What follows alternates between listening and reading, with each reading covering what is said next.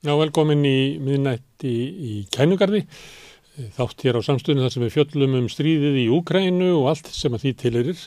Hérna setna í þættinum að þá kemur til okkar uh, Guðmundur Ólásson, hagfræðingur, hann er uh, rúslands mentaður, rúsnesku mælandi og fylgist vel með. Það sem að mér langar til að spurja hann sérstaklega um eru svona uh, valda uppbyggingin í Rúslandi hver eru, hver eru í instarring Pútins og, og þaðan í kring hvernig held, halda stjórnvöldar völdum? Hann hefur góða insinn inn í það og, en ef ég þekkja rétt að þá mun hann örgulega tala um ímislegt annað tengt þessum álum en það er fyrst og fremst þetta sem ég ætla að spurja hann um. En við byrjum vannanlega á því að fara hér með tjörð og sjött yfir svona stöðun á vígvellinum og Og við skulum halda okkur við það þó að kannski fréttina frá því að við hittust þetta síðast hafi mest verið langt frá vígöldinum, langt inn í Rúslandi. Það skulum við halda okkur við það. Hvað er raunverulega frétta af stríðinu sjálfu? Já, sko, það hefur ekkert voðalega mikið gerst á vígvöldinum á meðan þessi uppreistnu Prigósin og Wagner alls í stað sem er alltaf stóra fréttinu og komum að það eftir, sko. En þess að uh, uppreistin hóstvíst á, sko, á föstudaginn og þann dag var bara mjög rólegt yfir allir víglunni en það var síðan á laugadaginn, það er daginn sem að uppbreyttin sko endaði mm. að þá byrjuðu aftur einhvers konar átök vitt og breytt um výlununa. Var þá eins og úgrænum en ætluðu að nýta sér glundróðan í liði í rúsa eða eitthvað slikt? Já, mögulega. Þeir reyndu að sækja fram á mörgum stöðum en, en það er bara sama sagan eins og við verið frá upphafi frá því að gagnsóknin hófst að það hafa verið stöður árásir á ymsi stöðum á výlunni og, og, og það er náttúrulega bara barist á gráa svæðinu þegar við ekki tekist að brjótast í gegn. Við getum séð hérna korta því hvernig výlunni lítur út þessu rauðu örvararna, það er sína þessa staði þar sem að úkrænumenn hafa verið að segja fram. Það er náttúrulega þarna sko aðal sóknarlínundar eru þarna hjá Órikíf í, hérna Saporísja héræði mm. og hjá bænum uh, Velikanov og Silka í Donbass héræði og svo hafa við líka verið að segja fram hjá Bakhmut uh, svona hérna við uh, flanks á Bakhmut þess að segja þeir hafa verið að segja fram þar líka sko og grænasveið og kortin er það sem að rússar hafa já, náð og halda. og svo náttúrulega sko ég greinti frá því sérsta þætti að rússar viðast að hafa verið að byrja að segja fram hérna í norður hlutanum hjá, hjá Kupiansk já. en það er ekkert ólega mikið að frekta þar heldur sko. Þeir sóttu fram einhverja hérna 2 km og veru komnir að út í aðri borgarinnar en annars er ekkert ólega mikið nýtt að frekta en kannski það helsta sem hefur gerst á výlinni er að Ukrænumenn hérna fóru hérna yfir í Kersóin hýraði hjá hérna, Antonovski brunni, við getum séð hérna Já, á næsta korti. Sem er brú sko. yfir, yfir hvað? Yfir hérna Dnjepfljótið, þetta er hérna fyrir neðan e, eh, stipluna. Já, og sömuleyti skiptist výlínan, hérna, áinn skiptir e, landsvæðunum. Já, já, hún er náttúrulega výlínan. Þannig ef, ef það er alltaf að sækja fram þá verður það að finna leið til þess að flytja herlið og gögn yfir brúna. Já og það er eins og sko núna hefur hérna, hérna vassborðið hérna lækkað eftir að stíplan rópnaði og þeir, þeim, þessi brú er sko ónýtt hérna við getum séð hérna á næstu mynd sko hvernig hún leitt upphálega út áður en að stríðið brust út og hérna og uh, svona leitt hún út fyrir stríðið og svo á næstu mynd sjáum við hvernig hún lítur út í dag. Af því að þegar að hérna rússar sko hörfuðu tilbaka frá Kersjón hér aðeins sem var í Sefniberi fyrra þá hörfuður yfir þessa brú og svo var hún sprengt og eðlaðið framhaldinu sko. og, og núna hefur sko úkrænumönnum einhvern veginn tekist að hérna, koma einhverju litlu herliði yfir brúna og á svo kallar bridgehead rúsa megin þarna sko. við vitum ekki hvað verður úr því hvort að þeir ná eitthvað skiluru að ganga, ganga fram með það að að, veist, uh, Þeir þurfa að ná einhverju svona leið til þess að komast yfir fljótið annars stoppar fljótið þá bara, eða ekki? Jújú, jú, þú veist, þetta sínir að þeir eru að reyna að sækja fram yfir fljótið sko, en það er náttúrulega mjög erfitt að, að, sko, að vera komin yfir á hinn bakkan og halda áfram einhverjum aðgerðum þar, því það er mjög erfitt að koma sko gögnum og vistum yfir fljótið, skiluru, og hérna, og með svona lítið lið, skiluru, mm. og svo, svo hafa það líka áður verið að reyna að koma yfir fljótið á einhverjum bátum og eitthvað, já, sem eigum sem eru niðar í fljótinu, sko, þannig að Ég, ég veit ekki hvað verður úr þessu en þetta er allavega það sem að hefur gerst á výlinu mm. sko. Þú sagði frá því síðast eða þar áður að, hérna, að úgrænumenn var ekki að nota eða öll herrfylkin sem að hefðu fengið þjálfun á Vesturlundum, það verður bara þrjú af átta ef ég maður rétt. Er það ennþá staðan að þetta er ekki svona fullur þungi í gagsóninni? Sko það er rétt að þeir hafi ekki sendt sko allar herrlendunar á sama tíma og það er líka þannig sko í hernaði að þú, þú reynir alltaf að halda þetta er reserves, þú reynir alltaf að halda einhverjum reserves, af því mm. ef að kannski anstæðingurum mitt að fara í gagsókn þá þarf það að vera með eitthvað til þess að stoppa hann af líka mm. þannig að, já það er vissalega rétt að þeir eru ekki sendt allar hernaðinnar í hérna mm. sóknina og við getum ekki sagt sko nákvæmlega hversu mikið af þeim eru að taka þátt núna en, en hérna en sko frettina sem við hefum heyrt að hérna því hvernig gengur á mannfallinu það eru frettir að því að þeir eru mist þátt í sko 20-30% af öllum þessum vestrænu hérna uh, skriðdröggum og faratækjum sem þeir eru að fengið, það er sem Bradleys til dæmis og mm. Leppard skriðdröggum sko og þetta er ekki bara hérna rústinskar heimildir, þetta hefur líka verið staðfest í sko vestrænum heimildir mm. sko, að þeir hafa mist þátt í 20-30% af þessum hérna vestrænu vopnum, skriðdröggum og faratækjum og svo getur við segja hérna næstu frétta sko Selenski hefur sjálfur verið að tala um það að hérna að sóknin gengur hægt, segir hann sko. Já, það var eiginlega að byrja fyrir rúmri viku sem verður að uh, draga í land, eh, svona, eiginlega síðasta stórsóknin sem hefur verið fréttir að var það ekki bara 17. júni á laugadæginum í um, þar síðust velgi. Jú, jú, hún hófst þá og það, og það var í nokkra daga sko. Og, og það var svona hérna, já, mikið verið að segja fram á mörgum stöðum en það var líka, líka núna lögadaginn ég, ég, ég get ekki sagt hvort það sé, mm. já, stór ég hef ekki hertið að byrja frettir að því, sko, núna mm. náttúrulega eru alla frettirnar af, hérna, af uppreistinu Brygósin, sko. En þá komum við að því það var náttúrulega, þetta var eiginlega aðal frettin í, í heimspressunni það var aðal frettin allstað enda uh, spennandi frásögn uh, herlið á leið til Moskvu valdaránstilrun en það er, spurningi sko hvað raunmjöla var að gerast en ef við býðum með það og veltum fyrir því sko hvernig var eiginlega frásögnin í fjölmjölunum af þessu? Já, það, merk, það var svolítið merkilegt að fylgjast með sérstaklega sko laugadaginn, það er þetta blossað alveg upp og það var mikil yfirlýsingagleði í fjölmjölunum og sérstaklega hjá svona uh, greinundum og skýrundum í, í sjónvarpinu sko og það var bara verið að lýsa því yfir að núna væri valdarán í gangi Rúsland að leysast upp í borgarastyrjöld og, og, og beilinnes að gefa það í skinn að Putin er í stift á stóli og, og það þýðir þá náttúrulega skilur að Rúsland bindir hinja og þeir myndu í framvaldinu tappa stríðin í Ukrænu sko. Mm. Það var svona það sem var verið að gefa í skinn og það, það var svona verið að þakna því sko. Ég talaði nú við Albert Jónsson, öryggis sérfræðing, starfaði lengi í fórstæðislándinu og sendi hér að bæði Moskvu og uh, Washington, mikil NATO maður. Hann var hérna fyrir háti á laugadaginn hann sagði eitthvað svona, hann spáði því að þetta myndi fjara út þann daginn. Það verður bara nokkru klukkutímar sem verður eftir.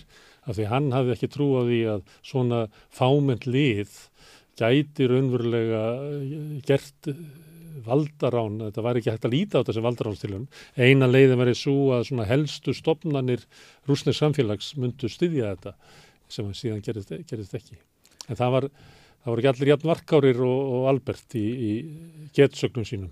Nei, það voru ekki allir jafn varkárir og hann og það voru margir greinundur sem að koma með ansi hérna stórar yfirlýsingar sko. Og, og, en eins og segir, ef þú skoðar þetta bara svona, ég átti að mig alveg á þessu þessum tíma sko, það, hérna, ég leita ekki á þetta að þetta hafi raunverulega valdrastildan, við komum að því á eftir sko, Já. kenningar um hvaða raunverulega þetta var sko, það eru marga mismöndi skýringar sko.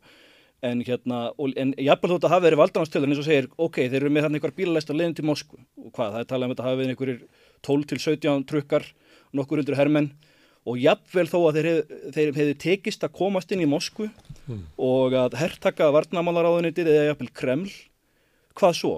Prigósin var við stattur í Rostov, jafnvel þó hann hefði verið stattur og hann hefði hérna stift sjókuðu varnamálaráður á stóli og, og komið sér fyrir í varnamálaráðunitinu því það hann hefði náð völdum í landinu auðvitað ekki skilur mm. veist, að, og hversu, og, og hversu sko, geta, geta þessar þessu nokkur undur herrmenn í þessari bílaleist farið að hérna, herja á Moskvu gegn undur herliðinu þar skilur þegar þeir eru ekki meðni sko, hérna, þú veist þá er náttúrulega herin sem að sér þeim fyrir öllum hérna, skotfærum og gögnum mm. og svo mm. framvið sko. Líklega og ég heyrði það og þú heyrði það náttúrulega að á laugandeginum voru menn að spá fjöldaflótta úr, rúsn, úr rúsneska hernum mann voru að spáði að, að þessi leið Eh, vagnirliða til eh, Moskvu myndi setja í ganga einhverju atbyrðar þannig að myndi gerast eitthvað og kannski eh, getur við vorkjönd það sérfræðingur sem kallaði til þess að útskýrta því að sömuleiti var þetta mjög sérstakur viðbörður sem að ásir ekki er erfitt að finna einhver fordæmi, menn voru byrjað að grafa í rómverska sögu til þess að finna svona málarlega upprisnir. Já, hann, hann Ítlu Jökulsson kom með hérna fæsli það sem að sagði að galbar leitur róm, að hann er að vísa í hérna sögulega atbyrði þegar að hérna keisurum var stifta stóli og svo framvegi sko. Og hérna eins og segi, svo hérna var uh, Timothy Snyder, hann er þekktur fræðimæður og uppáhald uh, hjá mörgum svona hérna sem að mm. greinindum sem að eru að hérna, spá, í, í Rúslandsmál hann tók beilinist átt í falsfjörðarflutningi það, það var frétta því að, að Putin hefði sko flúið Moskvu mm. Það í og- flugvilar hans fljúa í já, norð og, og hérna. Timothy Snyder hann tók þátt í að dreifa þessum falsfyrirtum sko Já, og það er líka merkilegt við þetta að það voru alls konar svona upplýsingaóreiða og falsfyrirtur í gangi á þessu tíma þess að reyna að magna upp sko þess að reyna að skapa þessa ímynd að rúsland samfélag sem byrnilega hrinja sko. Og ég var að tala um sko að ég sá strax í gegnum þetta frá upphafi að því að það er svo augljóst að það verður ekkert sko raunlegt valdar á eins og ég, eins og ég tólaði um hvað, hvað eiga þessir hérna þessir hérna vagnir liðar í þessari bílalest að gera skilur eiga þeirra ná allir í Moskva á sitt vald skilur og hérna og svo náttúrulega flutti Putin ræðu þarna í hádeginu sko á laugardag og það sem hann fordæmdi hérna þetta hérna sko uh, orðið sem hann notaði var hérna treason hérna já, Hérna- landráð, já landráð og hérna hnífstunga og hann var, uh, og sagði að þeim er þeir refsað Já, og þá, og þá sko stígu allir fram, allir sko hérna borgarstjórar og fylkistjórar í Úslandi og lístu við stuðningi við Putin sko. Mm. og allt embættismannakerfið og allur herin og allt uh, leini hérna lauruglu kerfið þannig að það var og engin sko, líka sem Já, er, já, sem og er valda batteri í, í Rúslandi og náttúrulega hérna Kadyrov sem er náttúrulega diggur hérna vinnur og stuðnismæði Putins en það leiðtói hérna Tjetjeníu hann fór með sína herdeild og umkringdi Rostov sko. Þannig að þeir leiku líkil hlutverk í að bæla þess að uppreist niður sko. Og þannig að það, það er svo enginn hafi sko stíið fram til þess að styðja Prigozhin eða, eða gegn Putin sko. Þannig að það var alveg svona yfirgnæfandi einhvern veginn sko stuðningur og, og allt uh, samfélagið og allt kerfið þjappaði sér saman uh, á bakvið Putin sko í þessari mm. svokvöldu valdarnastil en, þeir- en Prekósin er eh, ekki pólitísk fígurabeint í Rúslandi það er ekki hægt að benda á að hann standi fyrir eitthvað hann hefur gaggrínt hernaðinn en það, það er ekki hægt að líta á hann sem stjórnarhansstuð í Rúslandi eða það er alltaf að tala um að hann hafi svokvöldu political ambition sko. Eins og við klárum hérna þessi fjölvöluumfjöldun áður við fyrir að tala um hérna atbyrðurásina við sáum hérna, það er hérna góð grein hjá Max Blumildal hjá Grayson, við sáum hérna næstu mynd sko. það sem að hann lýsir þessu þannig the real casualties of Russian civil war the Beltway expert class, hann segir sko að raunverulegu sko fórnalöfum þessa valdarástildurinnar eru þessir vestarinni sérfræðingar sem að Já. hérna, komið með þessar stóru yfirlýsingar að því að, því að það hefur verið sínt fram á hvað er höfðu stjárfælega rámt fyrir sér og sérstaklega þessi hérna Annie Applebaum Já. hún kom með hérna grein í Atlantic uh, getur séð hérna fyrirsöguna á næstu grein Russia slides into civil war. Já. það er næsta mynd. Sem að hún komi bara á laugadegum eða hérna já, þetta var sett áður en að náttúrulega sko hérna uppreisnin var flautuð af þarna, hérna, það var klokkan 5 held í íslensku tíma sem Já. að, það gerist það var bara hérna Þetta var fljótlega eftir hátegi sko. þau tóku hérna, Rostov um, um kvöldið eða Já, kvöldið bæki- áður. bæki- kvöldið áður já, og lögðu svo að stað til Rúslands með einhvern, einhvern liðsabla já, til fyrir ekki til Moskvu og ávarpið var síðan í hádeginu og allt búið klukkan 5 Já, alveg rétt sko. Og þessi grein kom út um morgunin sko og uh, yfirlýsingum að hérna Rússland sé að sko hérna steipast í borgarastyrjöld og það voru margar aðra svipaðar yfirlýsingar mm. og ef við sjáum hérna sko næstu mynd þá er bent á hérna, já, rússneika borgarastyrjöldin sem að endist í einn dag sko. Mm. Allir fóru bara heim. Þannig að já, þannig að þetta er svona eins og hérna Max Blumenthal bendir á sko að hérna, já, það er eins og það er Það fór náttúrulega ekki allir heim, sko, sem við fóru til Kvítarúslands. Já, já, náttúrulega Prigozhin fótt í Kvíturalland sko. hérna, en hérna að raunverulega fórnalamb þessar, þessar borgarastyrjöldar, þessar valdaráns það hafi verið þessir yfirlýsingaglöðu sérfræðingar sem að komu ansi hérna stórirtar og yfirlýsingar hérna í upphafi dags náttúrulega, þetta það var hérna í morgunin laugadaginn þegar að alveg bara fjölmjöla fárið bara blossaði upp sko um þetta ástand sko. En hérna, svo við tölum um hérna sko Prigozhin og uppressina sjálfa. Ef við sjáum Já. þetta næstu mynd. Það, hann beinir þess að hérna, hann hefur alltaf beint sitni gaggrinni gegn þeim uh, Shoigu, Gerasimov. Þessi tveir hérna á myndinni, Shoigu og Gerasimov. Það er þessi Shoigu sem er varnamáður á þeirran og yfirmaður sem er hersins, þarna til hægri.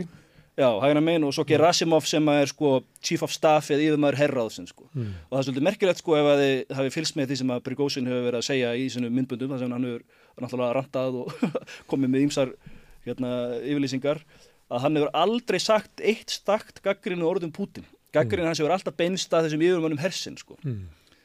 þannig að það er líka svolítið merkilegt þess þess vegna líka uh, sá ég og tel að þetta hafi ekki verið valdarána því að þetta beindist uh, gegn þetta snýrist mjög mikið um personerjur hans við yfirmenn hersins en hann heldur í fram að svona innst í kjarnin í kringu Putin hafi sé að ljúa honum, hafi narraðan út í stríðið, þannig að hann er eiginlega að halda því fram að sko að Putin sé svona handbendi íllra ráðgjafa.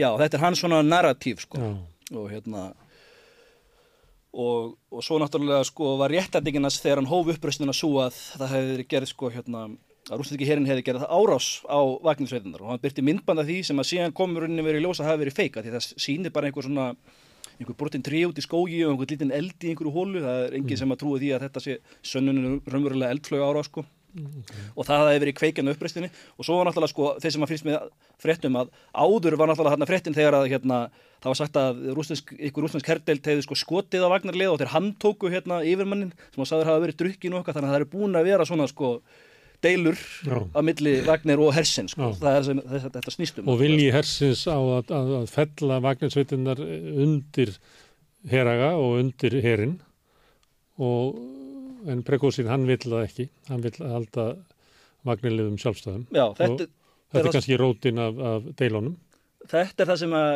ég og við teljum að sé raunverulega það sem þetta snýstum sko. en, en ég voruð varfið sko hérna núna hérna eftir þessar atbyrju gerðist að þá voru alls konar hérna skýringar og okay. kenningar. Förum bara yfir það. Hérna, kenningin, hvað í veröldinni gekk á? Númer eitt, að þetta er hérna deilur vagnarliða við herin og fyrst og fremst prekósin. Já, sko, ég get, ég, ég, ég bori kennsla á að minnst kosti fjórar kenningar mm. og ég skiptið með tvent. Það eru sko tvær kenningar um þetta hafi, tvær ólíkar kenningar um þetta hafi verið rumuröld valdarán, mm. við komum með þeima eftir Svo eru tvær kenningar um að þetta hafi ekki verið valdarann mm. og við byrjum á þessari kenningu sem við teljum vera líklaust og, hérna, og já, byrjum bara á henni sko, að hérna, að þess að hérna, þessar tvær kenningar um að þetta hafi ekki verið valdarann, það er fyrsta lagi að þetta snýrist um sko deilur Prigósin við yfirminn Hessins og þetta snýrist um það að það átt að færa Vagner undir herin. Já, það búið að vera fréttir af því bara í vikur og mánuði að það sé eh, markmiðið og verið talað um það á tímabili eins og sé búið ákveða en það sést ósætti hjá, hjá Breykósinn og fleirum í vagniliðum. Já, um. Sko það, það er sett hérna einkenningin en hinn er svo að þetta sé, hafi alltaf verið leikritt og hluta svo kvöldið sæ-op sko.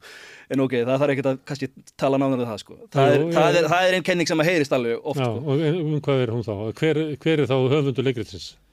Já, þá er hugmyndið svo að hugmyndið leikritsins er Putin og hann sé að spila svo kallega 40 chess, þannig sko. Já og, og það er einsverð skýringar sko. það getur mögulega verið svo að, að hann hafi verið að draga hérna, sko, hérna, með einhverju svona leikariti sko. mm. eða að það hafi verið að reyna sko, þetta hafi verið það sem er kallað rústinsku maskarovka svona hérna blekkingarleikur og, og þeir hafa verið að færa Vagner sko yfir til Belgáróti eða til Kíf og þeir myndi síðan sækja fram þar og þetta var allt saman verið einhvers konar blekkingarleikur þetta eru kenningar sem maður heyrði til dæmis það að hann færi til Belarus væri hluta því að væri verið að flytja herliði til þess að geta komið þaðan yfir já, til Ukrænu. Það er einn kenningin að mm. þetta, já, snúist að það. Þetta er svolítið wild, eða ekki? Jú, jú, jú. Og það er ekki þetta að sjá að það sé verið að flytja einhverja stóru herlið yfir til Belarus, eða það? Uh, ég, ég get ekki sagt um það, Nei. sko, en hérna, að því að, því að Wagner fór til, sko, hérna, til hérna Kvítarúslands Það er ekki all sveitin sko, stæðstu hluti af sveitinni er eftir. En það var held ég, það var eitthvað að vera að færa hann yfir til hérna Belgorod, af því að það úkrænum minn hafa ekki ára sér yfir í Belgorod hér að sko og Já. það var verið að færa Vagnir þangað og líka hérna Tjetnjastnu hérna, þessar sveitir hérna frá Tjetjeníu og eitthvað sko.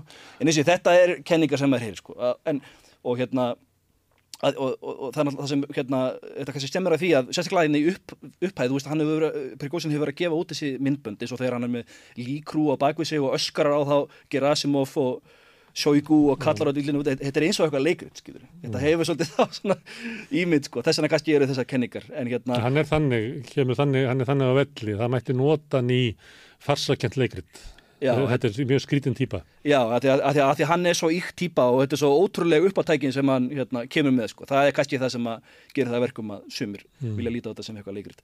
En, en þá komum við sko hinkenningin sem um að þetta sé ekki valdar án þetta hafi verið sko, það er rétt að kalla þetta mutiny sem er þýtt á íslensku bara sem uppreist en, en mutiny er nána tildiki þegar að sko, veist, hérna, herrmenni eða náttúrulega hérna áhöfna skipi gerur uppreist gegn hérna sko, það, það er svona einhvers konar deilur innan sko, hérna hersins að þannig, það er ekki einhvers konar uppreist í víðar í þjóðfélaginu, skilur það er mm. það sem að, það, það þýðir sko. Þú myndir ekki vilja fara í það að segja að Vagnersveitin hafi verið að reyna að gera uppreist gegn yfirstjón hersins Uh, ja, jú, gegn mm. hersins en, en ekki uppeitt í öllu þjóðfélaginu skilur. ekki reyna að steipa Putin eða ríkistjórnuna sko, upp, uppreist en ekki valdarón, mögulega já, já, og hérna og, eða mótmæli herrmanna og það sem að sko, hann hefur sjálfur sagt Prigozhin og sagði til dæmis í hérna, hérna, mynd, hérna hann gaf út sko hérna ný skilabóð held ég í gær var það ekki hérna. Jú. og það sem svona reynir að útskýra það sem að gerðist. Og hann segja það sjálfur sko að, að, það, að náttúrulega vagnisveitundar átt að skrifa undir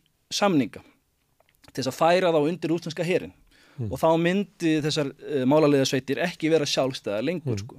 Og, og Prigozhin orðaði þannig að Wagner er ekki lengur til. Já. þetta er það sem að sagði sko. Og þetta er það sem að þeir voru einhvern veginn að andmæla og mótmæla.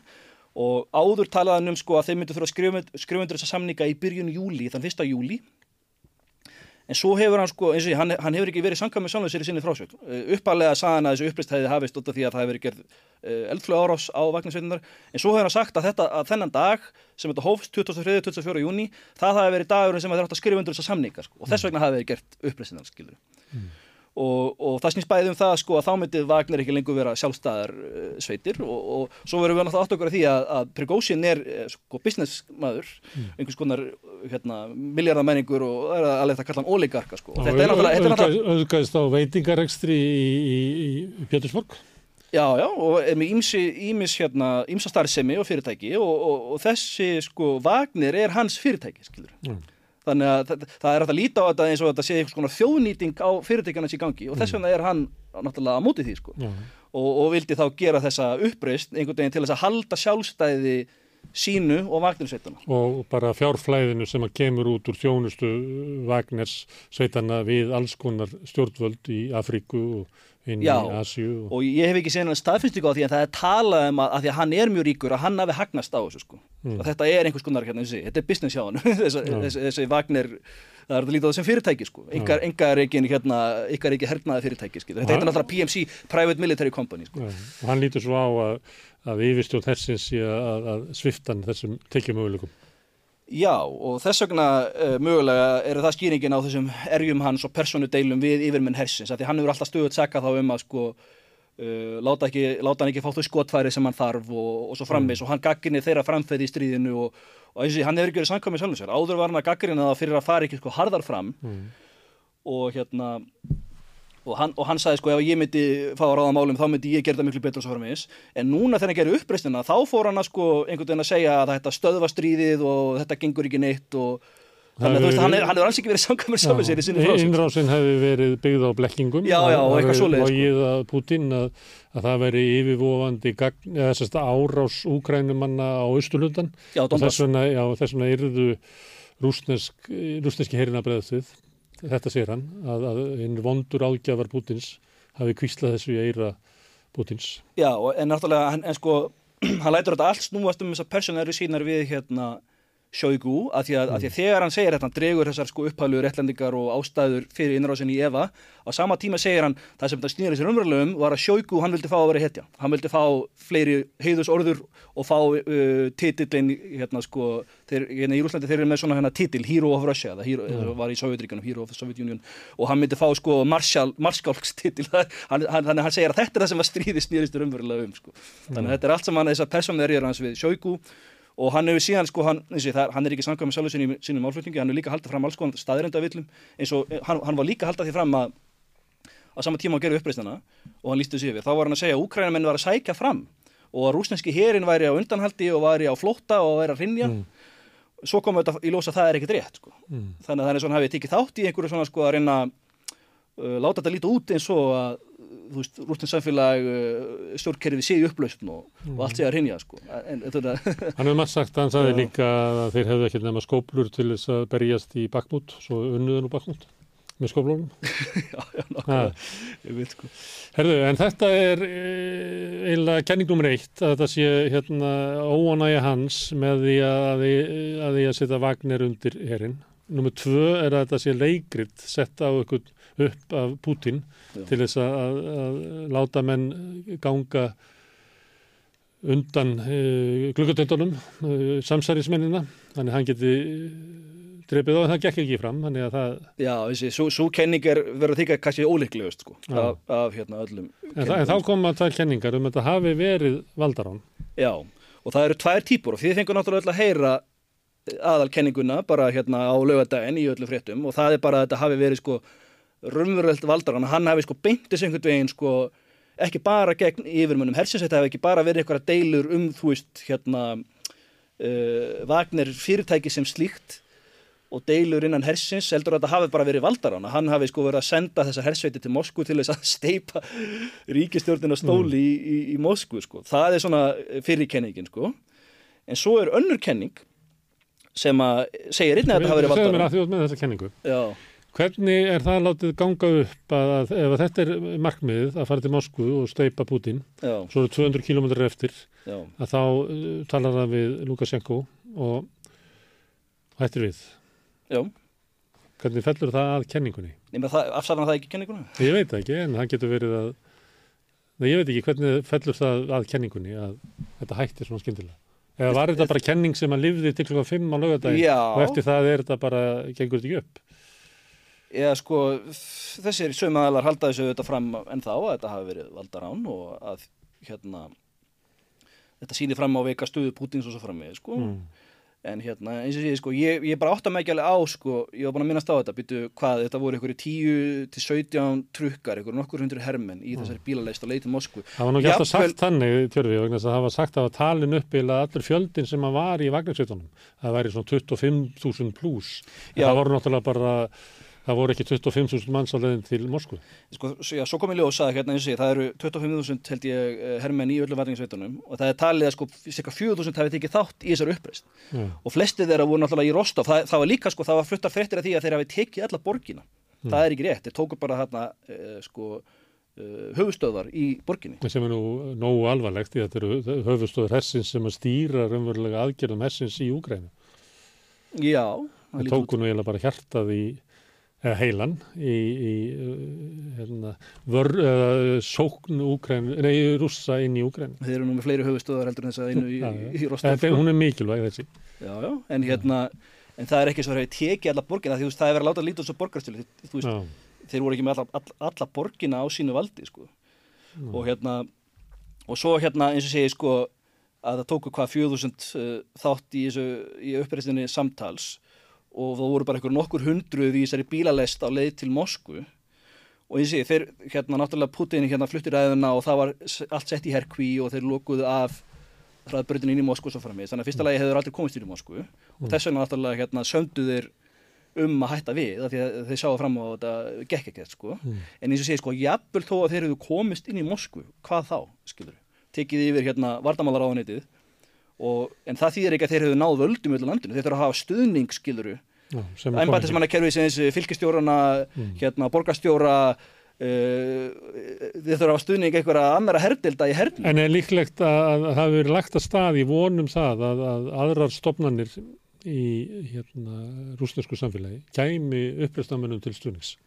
Já, það, í þessu kenningu sem að segja þetta væri valdar á, þá er því haldið fram að það hafi verið einhver von um að einhverjir fleiri myndu sko fara í líð með þeim og snúast gegn Putin. En svo náttúrulega þegar Putin flyttur ræðu sína og allir flyktust til stuðnings honum en enginn með Pergósin og þá hafa þetta runni út í sandin sko. Já. Og, og, og já, það er náttúrulega samkvæmt þessum hérna valdarans. Þetta er fyrri hérna, kenningin um, um Valdarán sem var, hefur meira um fjallað og hver er þá hinn kenningin um Valdarán? Já, svo hinn kenningin, hún segir að hérna að mögulega hafi sko Vesturlönd haft eitthvað tátt í þessu sko. Verið, þetta hafi verið valdrastöðunni sem var stutt af Vesturlöndum og það sem er Að raunverulega Vesturlund hafi keift þarna málalöðana til þess að gera það upprist. sko, samkvæmt þeirri kenningu er ekki þannig að, að Príkosin hafi verið eitthvað strengjabóra Vesturlanda heldur, þetta, heldur frekar sko að hann hafi verið í, í sambandi við eins og sko vestrannar leinið þjónustu, það bandarísku eða það var áður frétt hérna sem ég kannski mjög eftir henni í Wall Street Journal að, að hann hafi verið í sambandi við sko úkransku leinið þjónustuna eitthvað um að hann myndi veita þeim eitthvað upplýsingar um rúsneska herin í skiptum með að þeir myndi ekki ráðast á hann sko. Nú, og hérna og það sem er líka stóðum undir þessa kenningu er hérna að, að þegar hann var alltaf að kalla eftir sko meiri skotfærum þá snýrist það ekki um uh, til þess að nota þau í úristinu bakmút, það var til þess að, að hérna, stapla þeim upp til þess að nota síðan er að hérna við sem að hérna er talið renna stóðum undir þessa kenningu og það er að sko bandaríska leinið þjónustan hafi vitað að þessi uppreist fyrirfram og núna er greint frá því í Washington Post, New York Times, CNN og þarna Kiev Independent sem er hérna ukrainsku fjölmiðil sko. mm. og hérna sjáum hérna næstu mynd, hérna er hérna grein New York Times um þetta að, sko, og þarna stendur að hérna bandarska reynithjónustan hafi vitað að þessar upplýst fyrirfram allavega síðan á miðvíkudag, upplýstin hóst á förstudag, mm. þannig að það er alveg skýrt tekið fram að þess að hérna ónafngrindir aðlar innan bandarísku leinithjónustanar hafa sagt þessum bladamönnum New York Times að þeir hafi vitað af þessu síðan á miðvíkudag og það kemur líka frem í greininni að sko Biden fórseti hafi vitað af þessu hann hafi verið að fylgjast með þessu frá upphafi þess vegna mm. hafi ekki komin einhvers miklar yfirlýsingar frá honum hann hafi bara verið rólegur að fylgjast með vissi af þessu alveg mm. frá upphafi sko. og, og þá þess vegna út, út af þessum fréttum, að því að New York Times CNN, Washington Post eru allir að greina frá þessu eins og þetta sé bara staðrind þá hafa, skilur við, komið alls konar svona kenningar um sko, mögulega þá hafi þeir eitthvað kvartan áfram eða haft, haft puttan einhvern veginn í þessu sko. Og þá hafi þetta sko verið raunveruleg valdanástilurinn og hann var að reyða sig á því að fá sko stuðning til dæmis uh, uh, til dæmis það eru margir oligarkar sko sem að hafa flúður Úsland og búa vestunöndum og þeir eru með mikið á móti Putin og þeir hafa mögulega verið með honum í þessu valdaranni og hann hefði reitt sig á að fá stuðning sko meðal einhver oligarka eða einhverja elementa innan Úslands þjóðfélags gegn Putin í þessari valdarannstilurinn sko. Hver er munur á þessu tveimur? Annars vegar það að, að, að bandarækjumann hafi vitað að þessu og hins vegar Ég munurinn er alveg að sá að sangat fyrirkenningunni sem við fengum að heyra hérna í sónvarsfrettum á lögadag er að, er að þetta sé bara vísbendingum upplausnir útskuð þjóðfélagi að þetta eru sko innri átök, skilur. Mm. En, en sangat setjukenningunni þá er þetta snýst ekki mindri átök, þetta sýtt fyrir um einhvers konar, einhvers konar hérna, erlend, uh, erlend áhrif, skilur. Mm. Að erlend, uh, að því að, hérna, að hérna, að valdaráni hafi verið, sko, já, hvart áfram með að stutt eða þannig, sko, af utan að koma til erlendum öflum, skilur. Þannig að það er auðvitað alltaf munur á þessu tönnu. Sko. Þetta mun allt saman komin ljós eða ekki, kannski verður bara eitthvað svona samkominlega í sögunni um það hvað hérna, þessi lögadagur um hvað það snýrist. En ég vil taka fram sko að hérna, koma kannski aftur af því þess að ítrykka það, við erum bara að ræða alltaf þessi kenningar sem að hafa ja. verið á kriki sko. Ja. Og það eru er, er, er margir hérna sem ég til að vera mjög góða greinundur á þessu stríði sem að til dæmis halda fram þessari kenningu um að, hérna, um að Vesturlund hafa þátt í valdaranninu sko. Mm. Og það eru margir, margir greinundur sem að hafa hérna já, áður haft réttur í sér og komið með góða greiningu sem að segja þetta en ég tel sjálfur að þarna, þarna fyrsta kenningin sé svo líklegt mm. sko, að þetta hafi ekki verið valdarán heldur hafa þetta bara verið sko, uppreið sem að snýst um uh, stöðu sko, hérna, fyrirtækisins Wagner sem enga fyrirtækis að átt að þjóðnýta það, færa það undir herin mm. og snýrið sem þess að samninga sem átt að skrifa undir og svo personu erjur hans Brigósin við sjóku. Mm. Ég, ég tel sem þá kenningu vera líklegast að þetta snúist um það sko. Sem hefur verið langur aðdraðandi að og þessi Þessar aðgerðir í Rostov og síðan eh, leiðangurinn til Moskvu hafi verið hluti af því að, að and, andmælum hans og hann hafi verið að leita eitthvað sterkari stöðu í samning, samningu sínum um að halda sjálfstæði vagnarlega. Já. Herðu, þá setur eftir, hérna, þetta er náttúrulega með ólíkitum þessi atbyrður, mjög sérstakur. Hvað, hérna, þá, eh, nú heyrir maður menn koma fram og segja að þetta sé atbyrgarás sem að veiki mjög Putin, afhjúpi hversu lítil tökan hefur á rúsnesku samfélagi og annað slíkt. Er þetta að leggja eitthvað mat á það? Er þetta þannig að þetta veikir hann eða, eða styrkir þetta Putin? Já og núna sko eftir að hérna uppræstið rann út í sandin, mjög fljótlega hann á lögadag sko. Þessi sömu aðalar sem kom með svo stóru yfirlýsingar í upphæfi um að núna yfir Putin setja stóli, núna myndi mm. rúslenskt uh, eh, þjóðfélag hérna leysast upp í borgarstyrjum. Upphæfi endi Putin var, var fyrirsagnir? Já, og hérna þessi sömu aðalar sem kom með þessu stóru yfirlýsingar, þegar að hérna uppræstið rann út í sandin, þá reyndu þeir skilur að hérna rationalæsa það þannig, já, já, en þetta sýnir sko fram á veikleika Putin skilur, að mm. hvað, hvað hérna hann setur höllum fæti og og hvað rúsneska hérna, stjórnkerfið er bara veikt og svo fram með sko. mm. þannig að þetta er núna svona hérna, Það gerir það við sem marki árásinn og þinghúsið síndinn náttúrulega dróð fram veikleika bandaríks stjórnkerfis Jú, það, er ekki gott þegar þú ert með hérna, jú, jú, triltan uh, líð á leiðinni í, í, í, í höfuborginni að reyna að, að ná yfir þinghúsum eða, eða eða Pentagon? Jú, vissulega, það, þessi, þetta er alveg margt til í þessari skýringu og, og, og þetta er það sem fá núna að heyra sko, að, hérna, að þetta sýnir fram á veikleika, eins og segir, útlendinga stjórnkjörninsins og, og það, er, það er vísað í það sko, enna samning sem að hérna, Lukashenko fórsett í Kvítarúslands gerði við Prigozhin um að hann fengi bara að fara í útlegð í Kvítarúslandi og mm. að allir vagnarliðarnir fái amnesti sko, og það voru setta fram sko kærur upphálega fyrir landráð sko Mm. og, og öll af þeim kærum var hérna vísa frá skilur, Mm. sem hluta þessu samningi það er vísaði það sem veikleikamerki sko. Mm. en aftur á móti hérna, ég hef heyrt samt aðra skýringu og sem að ég telst alveg vera nokkuð samfærið eins og hérna við séum næstu mynd, hann Hilmar Þór Hilmarsson professor, hann, er, hann til dæmis þáttarins. komið þessa fæslu, það sem að hann útskýrir að þetta séur ekki veikleikamerki heldur þetta á móti sko uh, að, því að, að, því að, að, því að, að því hvað uppreistin uh, rann út í sandin fljótt og friðsælegan hátt þá er það freka merki um styrkleika heldur en hitt sko. Mm. og líka að því eins og ég talaði um sko, þegar Putin fluttir sína að allt uh, sko, embætismanni kerfið, allir hérna borgarstjórar, fylgistjórar, allur hérinn og bara allt þjóðfélagið flikti sér uh, á baku Putin og Já. engin, það var ekkert element sem að sko fór í lið með Prigozhin eða uppreisnarmönnunum sko, að það sé náttúrulega sko hérna vísbending um að staða Putin sé bara nokkuð sterk, skilur og hafi jafnir styrst eftir þetta, skilur af því að, af því að það er eins og sé engin sko, það var engin eins og sé sem að setti sig á mótunum í þessari uppreist sko. þannig að, og, og raukjörn er líka svo sko að hérna að sko markmið rúslandska stjórnvalda hafi verið að ná taumaldi á Prigozhin Mm. og að innlema Wagner inn í herin og ég, ég þarf aðeins að útskýra sko hvers vegna vil, vilja það? Af því að sko Wagner 17 tók þátt í orðstunum Bakmút og þeir þykja að vera góðir strísmenn þeir sér hafa sig í svo kallað urban combat eða urban assault sem er náttúrulega mjög svona brútal hérna sko hérna hernaður þegar þú ert í svona hérna í borgarhernaður sko Bara í návi, þar sem Já, að menn er að berjast ekki bara frá húsi til hús, heldur frá herbyggi til herbyggis. Já, já, bara þeir sér hafa sig í svona sko svona miklu návíi Mm. og það eru bara oftast sko hérna, hvernig á ég að segja þetta, þú veist oftast eru bara svona einhverju fangar eða einhverju svona já. sem eru bestir í þannig svona návís eins og er í þessu, sko. glæpa menn meir og minna Já, á meðan sko Frikossin hernaðis- sjálfur, hann er náttúrulega glæpa meður, dæmdur glæpa meður Já, á meðan sko hernaði stýst mjög mikið um skiluru, þú veist að þú ert með stórskotalið og þú ert með skriðdrikadeildir og þú ert að sko stjórna mjög háþróðum búnaði og tækjum skiluru hernaði stýst mjög mikið um það en svo þú þarfst að gera svona skítverk eitthvað svona dirty work eins og svona eins og segir house to house, room to room fighting þá viltu hafa eitthvað svona eins og, eins og hérna Wagner til að geta gert mm. svoleiðið skítverk sko. Þannig, og, og, og þeir vilja meina þeim hafi hefnast vel í Bakmút þeir náttúrulega sigruðu voru svona Bakmút og hérna og þess vegna vildu þeir sko ná Prigozhin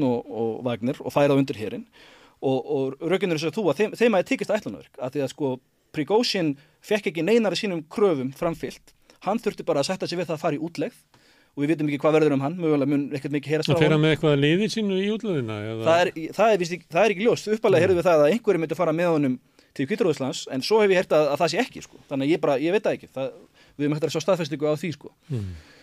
Það, það, er- það, það verður vist þannig sko að hérna að allir vagnarliðar munu skrifa undir samning úr úrstendingaheirin þeir sem tóku ekki þátt í uppreistinni en svo er eitthvað öðruvísi með þá sem tóku þátt í uppreistinni en þeir munu samt mögulega geta haldið áfram að berjast sko. Mm. og þess vegna er það ekki lítið á sem veikleikamerki að hafa gefið þeim amnesti eða uh, vísa frá öllum ákjörum að að þeir eh, þykja að vera góði strísminn og, og rúsneski herin vill hafa þá og, njó, að og njóta ákveðna vinsalda meðal rústnesku þjóðurinnar eins og kom fram í svona glefsum að við tölum við fólk út á götu og annað slíkt að þá er talað um þá sem uh, hérna uh, hetjur. Já, það er eins og hann, hérna Putin sagði það í uppalvegu ræðinu sinni, hann sagði sko hetjurnar sem frelsuðu sko hvað að Sóledar og Artjómosk, Artjómosk er það sem að hérna rússar kalla Bakmút sko, mm. hann sagði þetta í ræðinu sinni sko. Og, Þannig að hann, það hefði verið kannski erfitt fyrir Putin ef segjum að veri fullur af hemda þosta og vilja hengja hengja uppreisnamennina að það var erfitt fyrir gagvart þjóðinni að vera að hengja hetjurnar úr stríðinu. Já, en, en svo er spurningin, vill hann gera það? Mm. Þa, það er það sem ég er að segja, þetta er vísbendingi, þeir, þeir vilja ekki sko, þeir eru með, þetta er, þetta er asset fyrir þá, þeir eru með, eins og segi sko, þessar stríðsmenn sem þykja að vera góður í að gera skítverkin fyrir herin Mm.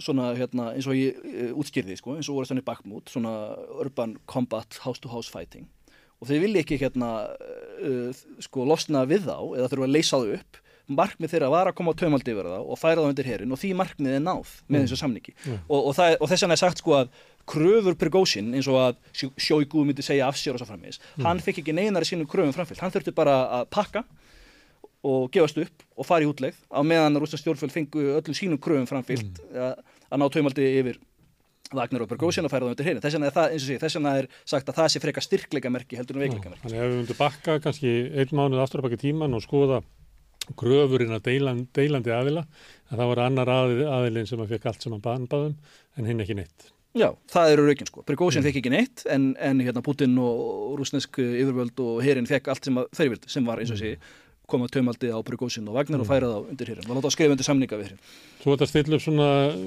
ímsum eh, kenningum varðandi þetta, tílefni uppreysnarinnar og síðan hvort þetta veiki eða styrki Putin og það er svona, má heyra á þér að þú er svona frekra á því að þetta hafi verið deilur e, milli Vagner og Hersins, aldrei verið stemt að því að verða valdar á og svo að niðurstaðan ef eitthvað er styrki freka Putin heldur en ekki.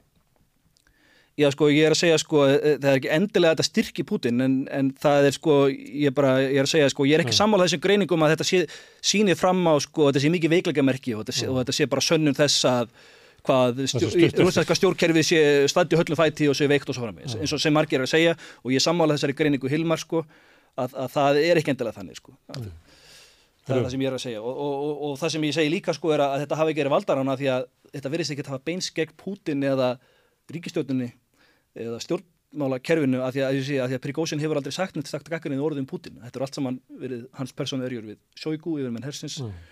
Þannig að það er heldur ekki vísbendingum að þetta hafi verið um valdarán og já, já. Það, það er sem ég er að segja. Já.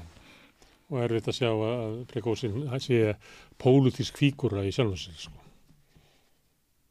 Já, það eru margir sem að sögðu að hann hefði sko þess að þau kallu það political ambition sko. Já, það hefur líka verið og, sagt að hann væri vinsall með alltíðumanna, hefur maður heilt Sko, ég, ég, ég tek fram að ég, ég veit ekki mm. nákvæmlega hvað er rétt í þessu mér finnst menn hafa verið full yfirlýsingaglæðir eins og ég talaði um sko ég segi að mér finnst það líklegust svo kenning sko, að þetta hafi ekki verið uppreist að þetta hafi snúist um þetta sem ég talaði um en það, það má alveg færa rauk fyrir því að mögulega hafa hann haft eitthvað, eitthvað meiri metnað, eitthvað political ambition, skilur við það má alveg fara raukur í því, ég er alveg opinn fyrir því að sjá hvað, ok, hvaða sannanir höfu fyrir því skilur. Hörru, Hörru, þetta var svona staðin í dag og við ætlum að fá hingað Guðmund Ólafsson sem að uh, talar og les rúsnesku og rúsnesk mentaður. Ég ætla að spurja hann um svona uh, valdakerfið í kringum Putin, hvernig hann metið að, að, að það sé að reyða til fals og hverjir það eru sem að stjórna Rúslandi og á að hverjum upprýstin beindist. Guðmundur kemur hérna eftir augnaflik.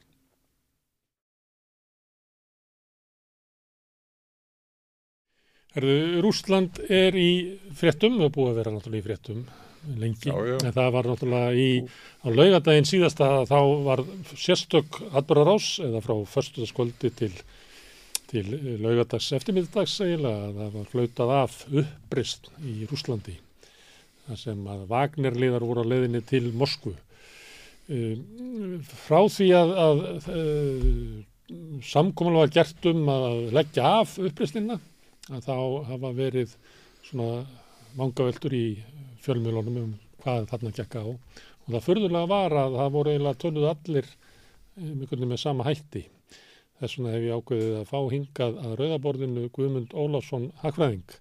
Velkomin. Takk fyrir. Rúsnesku mentaður maður, rúsnesku mælandi. Já, já. Og fylgist vel með í Rúslandi.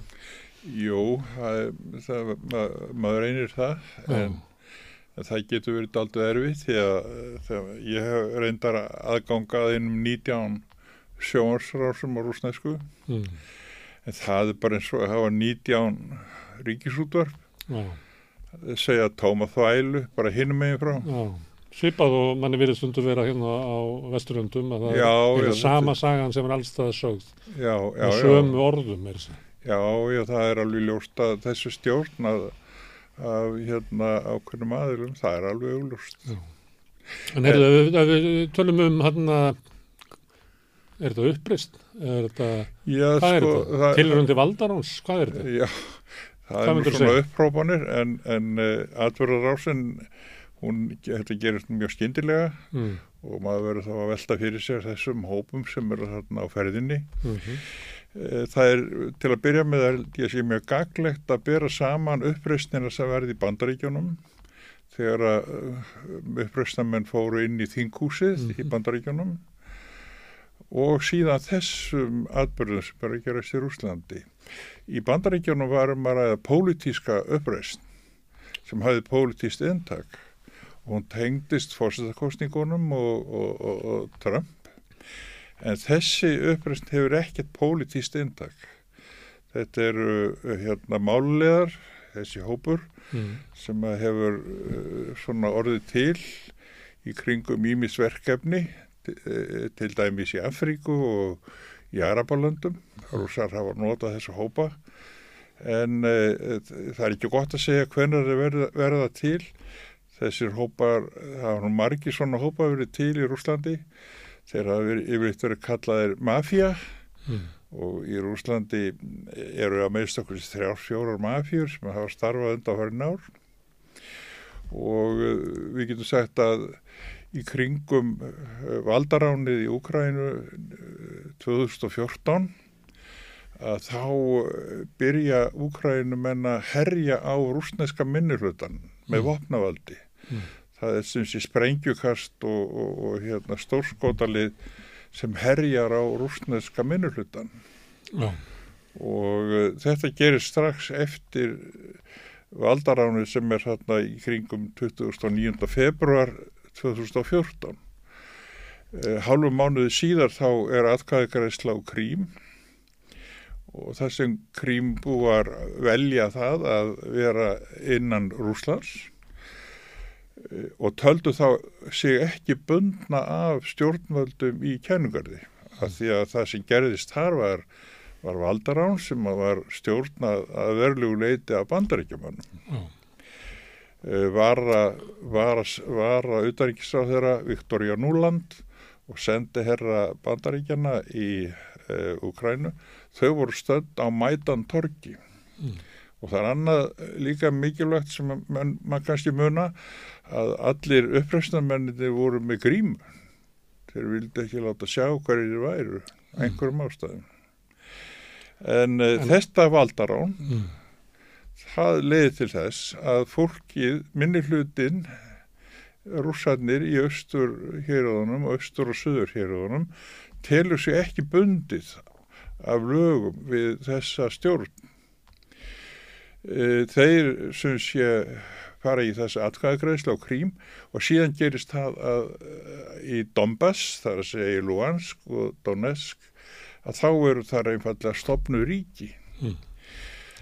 nú uh, Nú þetta komið svolítið langt í forsugun af aðbörðu legaðessins Já, en þetta er svo mikilvæg Þetta er bara nöðsynlega fórsenda því að það sem gerist þarna er það að, að, að, að það er verið að svara árásum á rúsa og þetta hefur ábáðslega áhrif á rússana sjálfa í Rúslandi mm.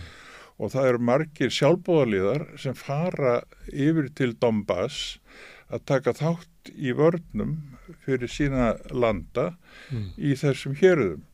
Þetta varði ekki á krím því að þeir voru einfallega búinir að ágreða málið. Vesturlandabúar hafa haldið því fram að þessi e, valdataka eða ákverðum krimbu og hún hafi verið ólögra. Mm. Það hlýtur þá að vera vegna þess að þeir telja valdaránið löglegt og meira að segja sendi herra okkar Þeir í... gera það? Já, já. Það er eiginlega ofibir stefna NATO og bandaríkjana? Já, já, þá... Tel, Þeir mútu ekki taka undir með það að það hefur valda að taka? Þá er það bara þannig að þessi ríki, NATO og, og, og Íslandíkar, telja valdar án löglegt. Mm.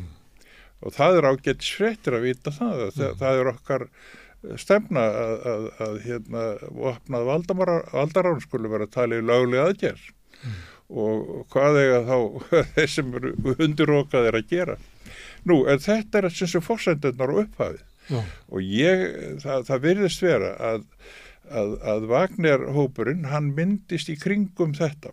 Það er rústar frá Rúslandi Já, að koma með, að, að vilja styðja rús, rúsa í austurluta Úgrænu sem er Já, sem eru einfallega verða fyrir árás, vopnaðri árás mm.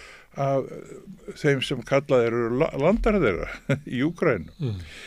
En uh, sko hluthöldin eru nú þannig sjáðu að uh, eftir því sem að málvísindami segir mér að það sé um 30% rúsnesku mælandi hérna menn í Úgrænu eru raun og rússar. Það er volið lítið að marka tölur sem sko svona skráðir Úgrænum en skráðir rússa því að menn sáu haksinn í því að skara á sig sem Úkrænum er strax mm. en, en þetta er það sem er til dæmis fórsetin sjálfur nú til dæmis borin og bættur rúsnæsku mælandi Já, en hann til þess að vera Úkrænum annsamt Já, já, en hann er, hann er, hans móðurmál er rúsnæska mm. þannig að þetta er og það, það er alltaf alveg ljóst að margir rúsnæsku mælandi stiðja kenningarstjórnina það, það er bara þannig en á þessum tíma þá komu sjálfbáðarlegar frá Úslandi mm. og það virðist vera að um, mannum tækist að sapna þeim saman í svona vopnaðan barduhóp mm. sem að þeir kalla Vagner og þetta gerist undir stjórn Prigósin mm. sem er fættur og uppalinn í, í Leningrad, hann er 62 ára núna og uh, hann er svona smákrimi mm. Uh, var dæmdur í, í 12 ára fangelsi og satt inn í nýja ár.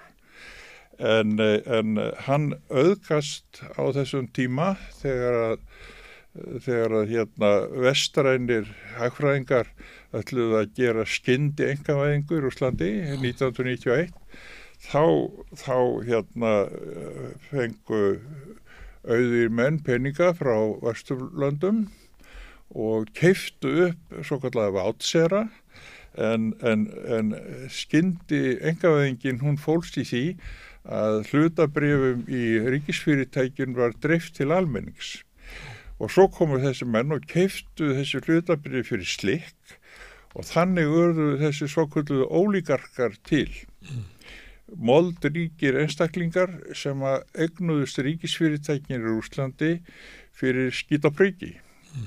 Og þetta gerist náttúrulega mestu leiti fyrir fjárhagsstuðning frá bandaríkjónum mm.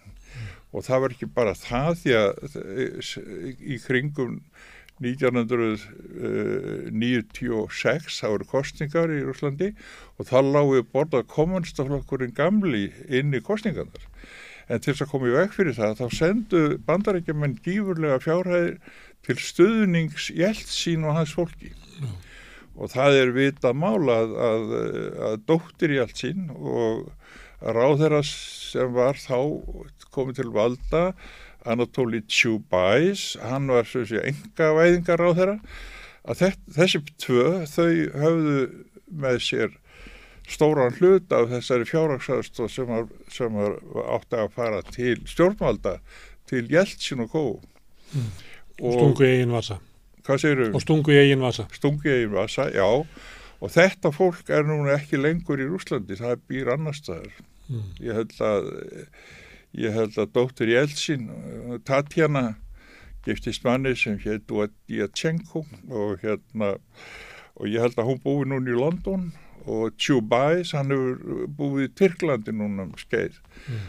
Og, og en, en þetta er svona að á þessum tíma frá 1990 til 2000 þá er sem sé þessi skyndi engavæðing í gangi og hún gerist eftir fyrir vestrænt tvið aðalega frá bandaríkjum. Mm. Þá er það að, að Jeltsin kemur nýja Pútín kemst til valda og það verður megin verkefni Pútins að koma í veg fyrir að þessi öfn nái tökum í Rúslandi mm.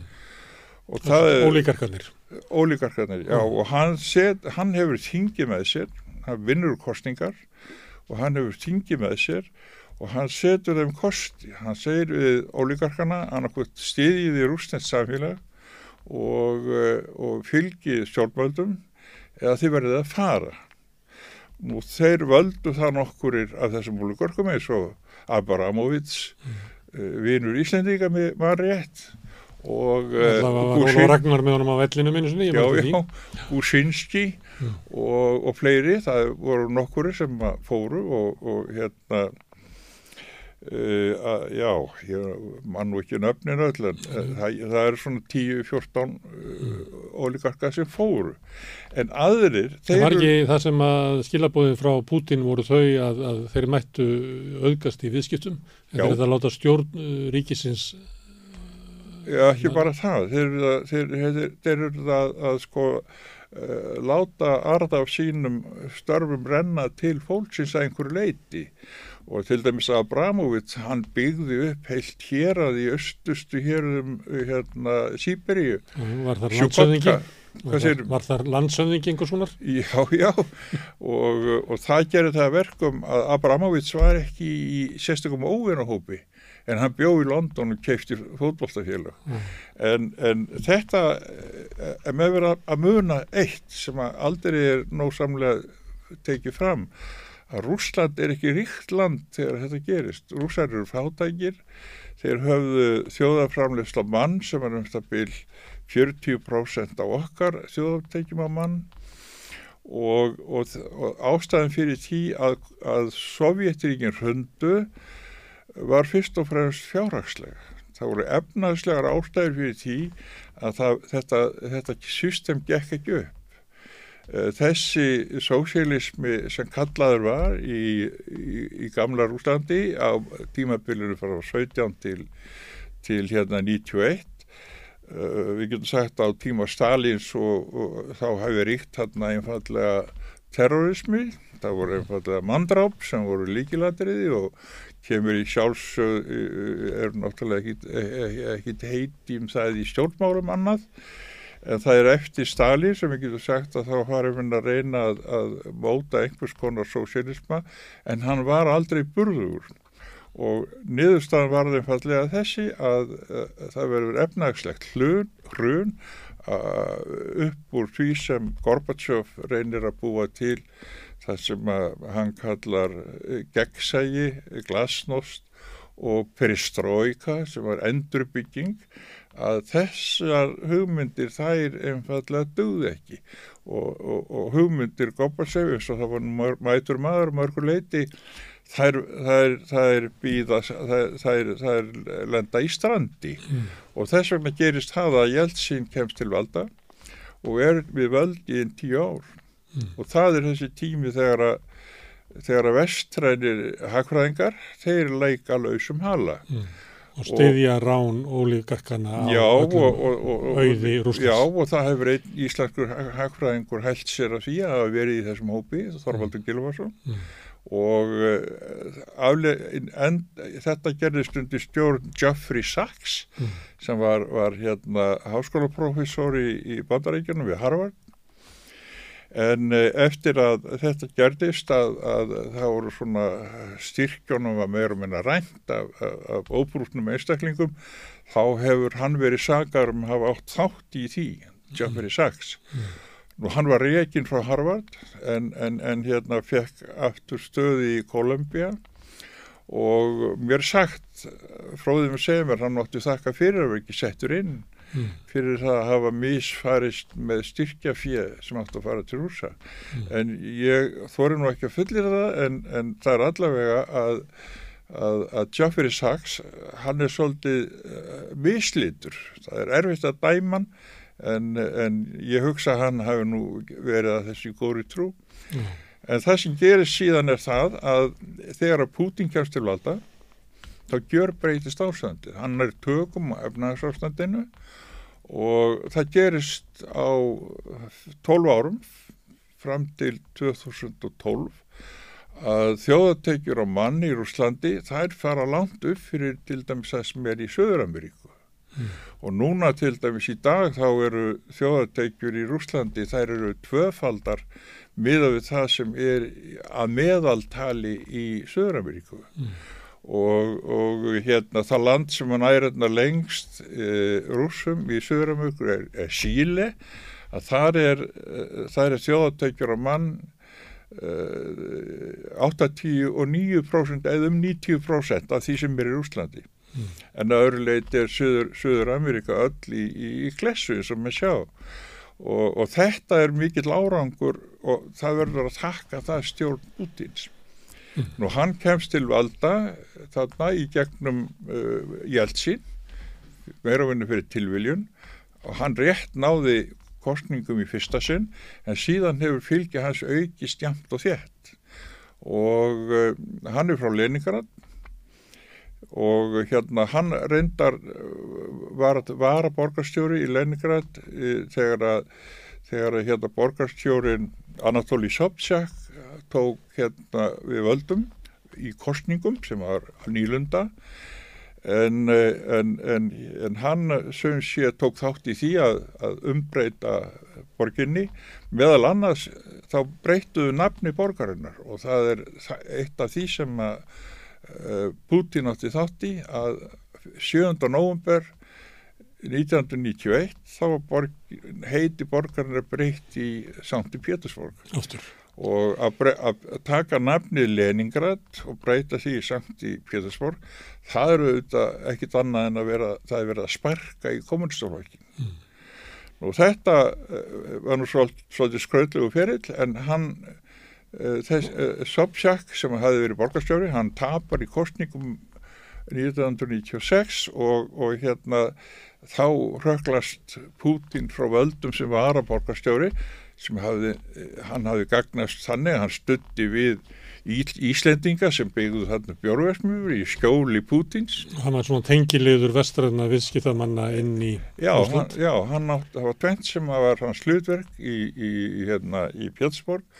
Hann sá um útlendingamálinn inn úr strandsjef sem kallað er og, og ekki bara það, hann, hann, hann var líka sérstaklega tengilegur stjórnvalda við mafjúnar og hann kom svolítið skikk á mafíuna sem voru legur lausum hala í, í Pétursborg mm.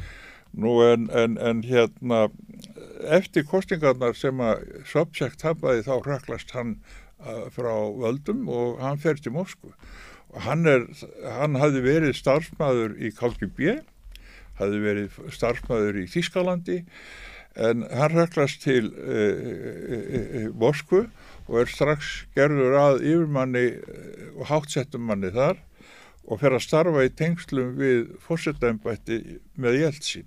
Og það er þess vegna sem að hann er síðan skipaður uh, hátsettum aður í, í hérna valdag hóknum í kringum Jeltsin.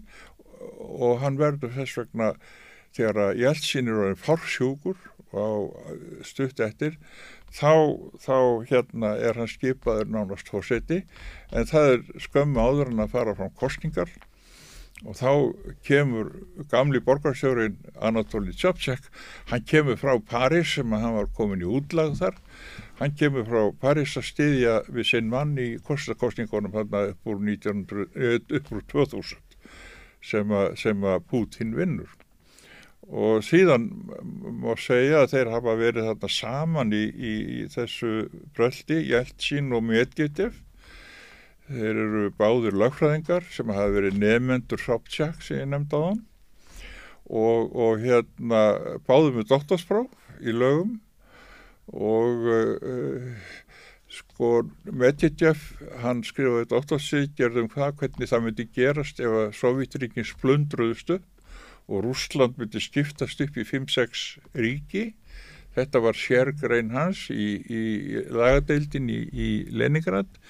Nú Pútin aftur á móti hann skrifaði e, doktorsveikjar um, um allstjóðasörflál og viðskipti og hérna þannig að þeir eru nú vel aðsir mjög slett þessi menn. Já og það er alveg eins og hjá engin bjánar eins og sagt er það er alveg eins og sagt er hérna, við sjáum þetta um þessi bandaríkjónum að, að bandarískir háskólar eru þeir bestu í heimi að því sagt er og rúsneskir háskólar eru líka margi mjög góðir mm. en svo er það þannig að það sem er líðræði að þá verðast veljast inn á þingin sko mikið af, af hérna, minniháttar fólki mm. við getum bara orðaða þannig að, að inn á þingið velja skarnar margir vittlisingar mm. er, þetta er auðvitað það sem gerist í háskólum Herðu, það er hérna Pútinkestir valda í ólíkarka ríki sem að ólíkarkarnir hafa rænt öllum auð uh, landsins og hann kemur ykkur skikki á það og það er efnaðsbati og hann sittur ólíkarkarna á eitthvað bás og meðal þeirra er umrættur maður Já, Prigósin. Já, Prigósin. Já, það, það, en, en hvernig stendur á því að að, að Putin setur ólíkarkonum stóli fyrir dyrnar að eitt er að kemur sér auðvitað upp enga herr og er á leiðinni í lest til Moskva. Já, það er vegna þess að, að þessi, þessi ólíkarki, þessi smáglæpamaður sem að sem að Putin hefur ánægilega þurft að eiga við í, Pét, í Pétursborg á bylinu 1900 uh, uh, hérna 1990 til 96 Já, við skulum segja, já, til, já. til, til, til 96 og, og sennilega að því að Príkósin er, er sem sé lengatbúi, smákrimmi þaðan sem þurft að sitja í fangelsi og svona, mm. að Putin hefur örglega þekktan mm.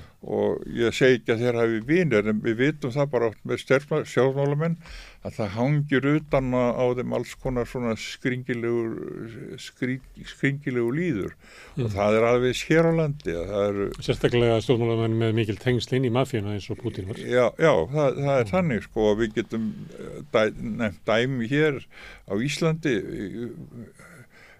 þó, já, ég sleppi þið nú núna en það eru svona nýmis mál sem hafa komið þar sem þingmenn og valdamenn hafa verið tengtir svona heldur ljótum málum mm. eitt það nýjasta er nú að koma upp í tengslu við Íslandsbanka mm. en, en, en, en sennilega hafa þeir tekst Putin og, og, og Prigozhin Var hann ekki kallaði kok kokkur Putin? Jú, hann, hann, hann snýrist í kringum hann og hann átti marga veitingastæði í hérna í Pétursborg og Íslandingarnir sem að voru með bjórframlegslu þannig að þeir hafa, þeir hafa öruglega þurft að skipta við hann, það er ekki nokkru mm. afi því að, að bjór, bjórframlegendur þurfa að selja sem bjór á, á knæpum sem mm. Prigozhin rak átti en það sem gerist í, í, í Úkrænu er það að þessi maður hann sapnar til sín sjálfbóðaliðum og myndar herr, mm. enga herr En á hverju? Ákverju fyrir hérna, maður sem á nokkur veitingahús yfir því að reyka enga er? Það er vegna þess að hann hefur tekkingu á, á hérna, fangelsónum og glæpaheimin mm. og mér er sagt að stór hluti af þessum uh, herrmönnum eða baráttumönnum séu einfallega sóttir inn í fangelsin mm. og þetta séu fyrir um uh, hérna, glæpamenn, margir fyrir utan að vera sjálfbóðarlegar upphálega en þeir hafi einfallega tengst Brígósin og hann borgar þeim mm. og þeir fá þarna hlutverk mm. að berjast fyrir föðurlandið eins og mm. það kallað og en svo Eitt, til, til að byrja með var svona óljóst hver ætti þetta og rækit þetta raunverulega já, og það, þú heldur að það veri Brígósin allan tíman Já sko ég held að hann er í hugmyndina að þessu nafni hérna Wagner mm. og uh, þetta er, er ekki gott að segja hvernig þetta byrjar eins og ég sagði áðan, það eru margar mafjúgrúpur til mm. og hugsanlega eh, á það eitthvað þátti að þessi hópur myndast mm. en það er alveg áreðanlegt að, að, að Prigozhin hann hefur samband við glæbamenn mm. og sapnar þeim saman fólki sem mm. hann hefur verið með í fangelsum og þess aftar og þetta er svona míslitur hópur já. en þeir fá hann að tækja menn sem eru til í að fara í stríð og drepa já, já, fyrir penning já og, og, og það er líka sko þannig er líka inn í þessum hópur ímiskonar menn með hugmyndir sem byggist á því að beita vopnum og valdi eh, það er svona hægri öfgamenn mm. og nínasistar, þeir eru í þessum hópi og það er eitt að enkenni á þessum her að þeir eru alltaf með uh, grímu fyrir andlitið mm. þeir vil ekki láta sjá hverju þeir eru mm. það er alveg eins og með uh, frelsisbyltingun á mætantorki þar sem mm. allir voru með grímu og það er í tengslu þegar sapna saman hópur manna til þess að fara til Dombas til þess að berjast með rúsum gegn úgrænum þá er það líklega blandast inn í það allskins þjóðurnis hugmyndir og Já, já, en, en sko aðtugað það þeir að stó, verulegur hlut af þessu fólki var komið yfir til uh, Donbass og mjög stór hlut af þessum mann verið einfallega fyrir íbúar í Donbass. Já. En Wagner hefur verið í Sýrlandi, viða í mið Afríku. Já, já. Í, og eru, þú getur leikt þetta ef þú ert eitthvað stjórnarherra eitthvað stöðar, þá getur leikt Wagner til þess að taka þátt í þínum átökum. Já, og þa þar kemur inn, sko, þar koma inn tengslinn við ríkisvaldi, rúkneska ríkisvaldi.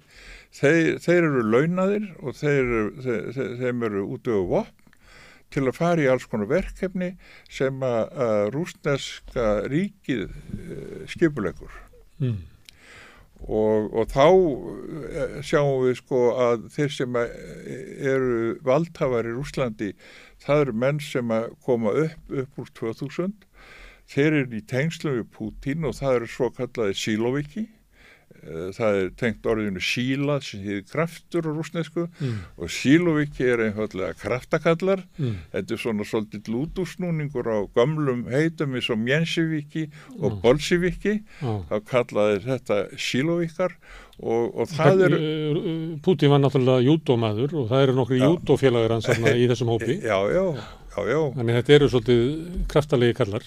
Já og þetta eru krafta, kallaði Síluvíki, kraftakallar, mm. að því að þeir eru flestir frá Pétursborg, kunningjar Bútins og, og svona og, og þetta, þessi menn, þeir eru gerðir yfirmönnum í öllum stæ, hérna uh, þessu svokvölduðum kraftaráðuneytum, þetta eru kölluð sílnýmin í sterkstva sem að þýðir bara eh, kraftaráðuneytið eða þungaviktaráðuneytir myndu við kalla það. Sem eru þau ráðuneytir sem að kannski sjálfstæðarflokkur myndu benda og vilja í hérna heima sem eru fjármálráðundið, dómsmáráðundið og hvað meira? Öðaríksráðundið já, já, það er bara þau sömu. Já, já. Þungaviktaráðuneytin Nú þessir menn ráða þessum ráðunitum og, og það er þessi hópur, þessi hópur Sílovika sem er eh, lang áhrifamöstur í rúsneski stjórnstíslu. Sem er innsti kjarnin eða innsti hingurinn í kringum Putin. Já, já, og, og ég, ég meina, og svona ef maður horfir um þennan, yfir þennan hóp þá hugsa ég að við liðina á þessu liði að þá er, þá er Pútin eins konar friðardúa með við þessa menn. Hvað eru herskáir? Já, þeir eru mjög harðir af sér og sæknir sér mm. og kalla ekki alltaf mjög sinni átökum. Herðu en Vagner eh, ferðast um heiminn eh, í Já. átökum og sumuleiti hefur það verið sagt hér á Vesturlundum að þetta sé eiginlega hluti af auðverkistefnu Rúslands, um, endur heimsveldisins Rúslands sem að vilja, vil hafa ítök langt út fyrir landamæri síni eins og heimsvelda er síður. Uh, þar leðandi maður líta svo á að, að Vagner sé að reka auðverkistefnu eða hluta af auðverkistefnu Rúslands hugsanlega styrkjana. eh, já en, en sko það sem að eh, hérna ber á milli er það að þessi hópur hefur ekki neins konar stjórnmálastefnu. Þeir taka við launum og gera það sem þeim er sagt. Og eh, Prekosín hann talar, hann var núna var bara þegar ég var að koma hengað að Já. þá heyrði ég svona óm af ykkur þar sem hann er að tala, ávarpa. Hann er, hann er náttúrulega að byrja að ávarpa þjóðina. Já, og já. þá var hann að lýsa sér eins og hann hefði farið út um allan heim til að berjast gegn heimsvaldastöfnu bandaríkjana þetta byrjaði að hljóma allt svona eins og politík Já sko honum finnst það sjálfum sko. En, en ég held það sko ég, það, það, það, það er einfallega hleyið að því. Uh, sko ég ringdi nú í ungunum mína sem býr í, í, í hérna í hérna við, við Ána Dón í, í hérna hvað heitir nú borgin aftur? Rostov. Rostov, Rostov þær tóku yfir? já, Rostov og Dóni viðstu hersins. Já, hún sagði bara að þessi menn væru náttúrulega föðurlandsvinnir og, og þeir væru stríðshetjur og þeir væru bara að skemta sér. Mm. hún leti ekki að þetta sem neina uppreist enda, enda held ég að það gerir enginn mm. uh, sko þetta er ekki uppreist í sama skilningi og í bandaríkjónu þegar þeir voru konurinn í þinghúsið mm. það var pólitísk og ætlaði að hengja pens já og, það var pólitísk uppreist þetta er ekkit svoleiðis ok, hvað er það þá? þetta er fyrst og fremst uh, uh, það sem að ásennilega stærstan þátt í þessu að fyrir nokkurum vikum þá eh, mun hafa verið ákveð í eh, síluvíkandir, mm. þeir mun hafa ákveð að leysa upp þessar, eh, þessar hópa. Mm. Þeir séu orðnir óþægilegir og, og, og hérna þeir hafa bara hefna á því að reyka þá. Og við vitum ekki nákvæmlega hvað gerist en, en það er langt líklegast að, að, Prigósin, hann hafi einfallega átt að sjá þessu og hann hafi verið stilt upp veg og hann hafi ákveðið að reyna einhvers konar mótspil og þetta sé hans mótspil. Sína mátsum. Já, enda segir hann sjálfur að hann sé fyrst og fremst í stríði við, við Sóigúi og Gerasimov. No. þar að segja sem Herman... og gammal vinnur Putins líka. Já, já, já, já sé einna, þeir eru, e, e, þeir eru partur af Sílóviki og, og hann segir sé, að hann segja í baráttu við þá en ekki eldsinn ekki, hérna, ekki Putin segi fyrir geðu það er um svona rugglaði þessu saman allir eins og hver allt í gröð og er það þá afliðinga því að, að svona kjarnin í kringu Putin kennst að því að þeir eru búin að hafa það gagna vagnisveitunum sem hægt er að hafa. Nú sé komið tími til þess að leysa þetta upp inn, taka hluta þessu inn í, já, inn í herin og undir svona venjulega stjórn já, og hætta þessu. Já, það, ég held að það sé hafi verið hugsunin á bakvið þetta að, að þeir sjáum föllega fram á það að að þetta, það sé ekki gott að vera með svona apparat í gangi sem að þeir hafa ekki fulla stjórn yfir. Mm. En gaggrinni sem að, að Prekosín kemur þó fram með sem Já. að er það að, að stjórn rúsneska hersins í Úgrænu sé léleg. Já, það er að upphafstríðsins hafi verið hérna, óráðlegt að það hefði verið byggt á einhverjum hugmyndum um stórsókn úgrænumanna á Donbass. Það saðan einu sinni. Er, er þetta eitthvað sem er, er endur ómur af gaggrinni sem að finna má í Rúslandi? Mm, það er ekki gott að segja. Ég sjálfur þá þá átti ég alls ekki vona þessari eh, innráðs rúsa inn í hérna Úgrænu ég fannst hún mjög hérna óskynsamleg miða við aðstæður. Mm. Ég hefði skilið ef að þeir hefði gripið til vopna 2015 þegar að rúsar voru búin að gera samninga við Ukrænumenn. Mm. Það hefði verið samið í Minsk mm. um frið en síðan voru það stjórnvöldi kænugarði sem stóðu ekki við samningana. Mm og heldu áfram að bombardera rúsa í Úkrænu. Já, og síðan hefur verið sagt hér fyrir vestan að, að það hefur aldrei staðið til þess að standa þessu samlinga, þetta hefur verið að kaupa sér tíma til þess að byggja upp úkrænska herrin. Já, og það sýnir þá um hvað er að mm. ræða. Ég hefði skilið það ef að þeir hefðu beitt vopnum þegar ekki var staðið í samninga sem búið að vera skrifundir. En, en þú nefnir hérna kraftakallana og þessi svona harðari og pútið sér svo fríðadúa við liðinaðum. Því það er, og það er hérna eitthvað fyrirbriði sem er kallað herrblokkarar sem ég veit ekki alveg hvað er, það sem að Putin allavega mætti og held eh, þryggja tíma fund með einhverjum erblokkurum en Já. hann lítur að líta á það sem er raunverulegt afl í samfélaginu. Já. Þetta eru allt saman eh, hérna, fólk sem er eiginlega að segja að, að það vantir meiri hörku í stríðið. Já, já, það eru alls konar stöðtvöksna sveitir til í, þarna eins og annar staðar. Já.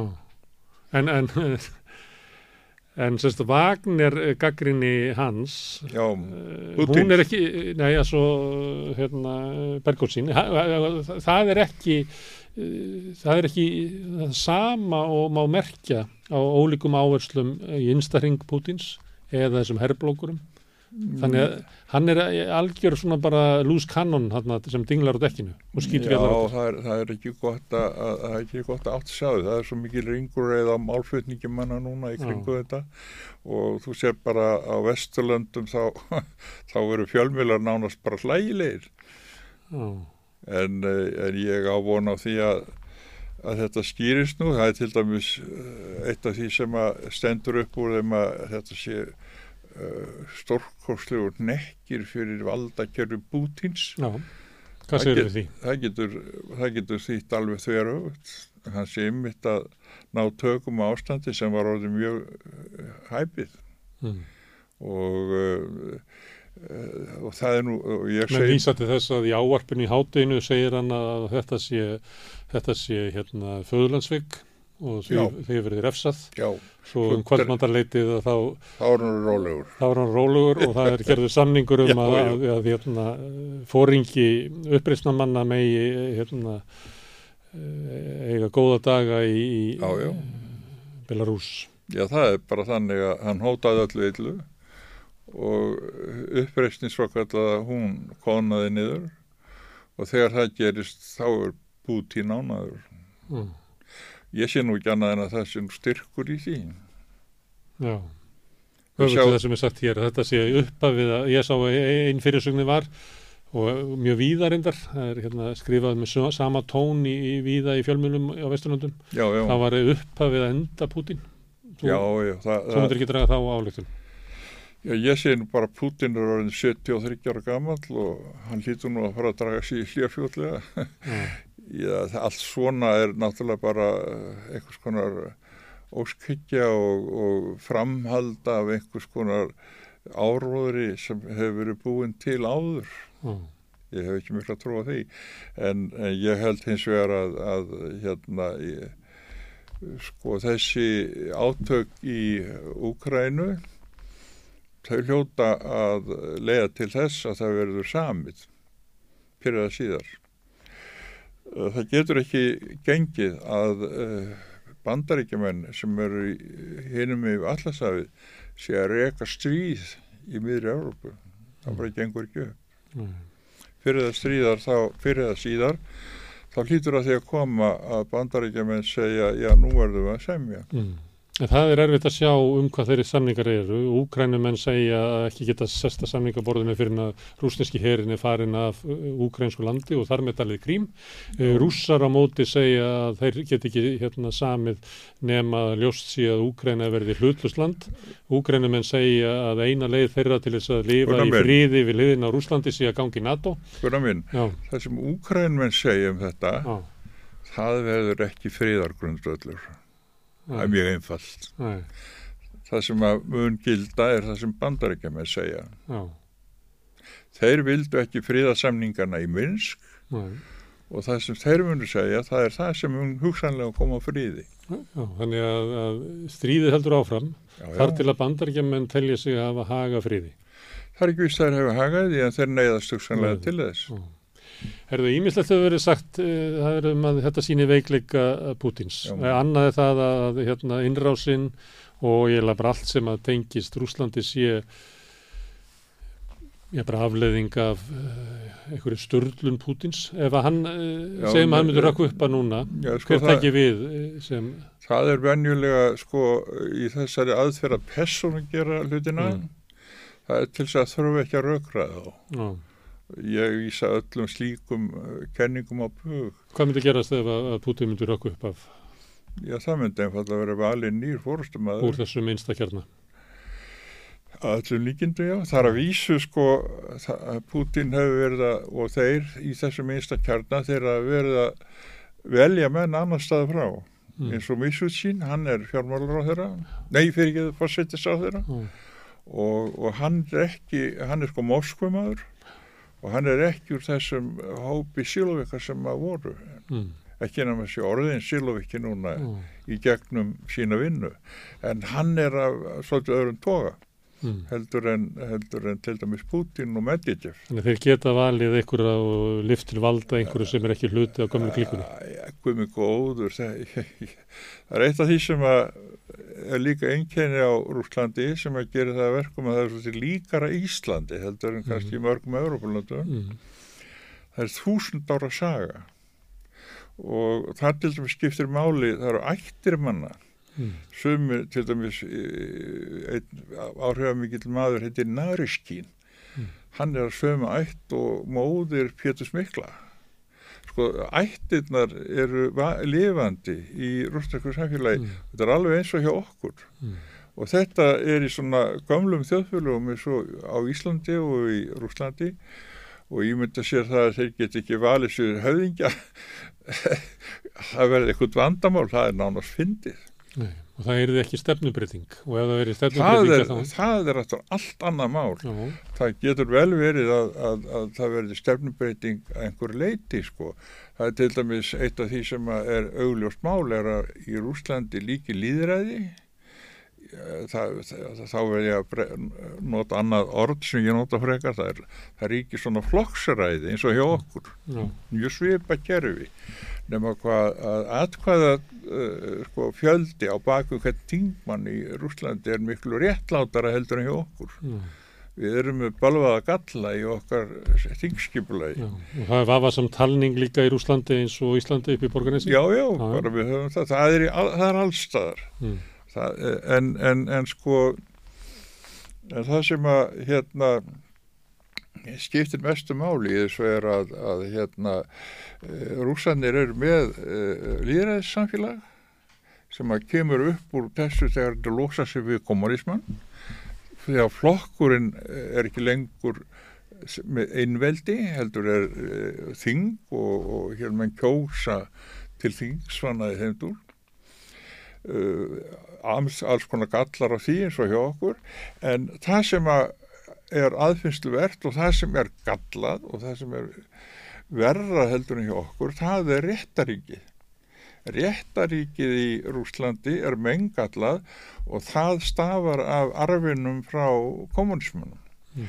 Að skipun í domstóla, þetta er tómvittlisa og stór hættileg. Það eru góðar kvíkmyndir sem hafa verið gerðar um gallana í réttaríkinu. Það er til dæmis uh, kvíkmyndin Levitsjan. Já algjörlega frábærmynd frábærmynd, það sem einmitt er líst í mm. hvað gallatni við réttarfærið eru miklir. Mm. og bæði Pútín og Medvedev sem eru, eru dóttorar í lögum þeir hafa báði listi yfir að þeir ætla að berjast fyrir umbótum á réttarkerfin í Rúslandi en ég er náttúrulega að þeir eru búin að vera við völd svolítið lengi og það er ekkert að frétta sko. og þeir hafa ekkert gert. Nei, það er svolítið eins og hjá okkur, þú þekkir þetta? Herðu, að því að þú er nú hagfræðingur þá er, hérna, hafa menn haldið fram ekki bara núna út á þessu laugadegi heldur löngu áður að kostnaður við stríðið væri svo mikill fyrir rúsnest ernaðslíf að, að rússar þóla ekki þetta stríð og það geti fallið saman út af þunga stríðsins. Þeir ráð ekki við þetta. Þeir ráð ekki við að framlega hergogni í þetta. Kostnaður við stríðið er svo mikill að það verður efnarslega stöðnum og hvað segir um þessu?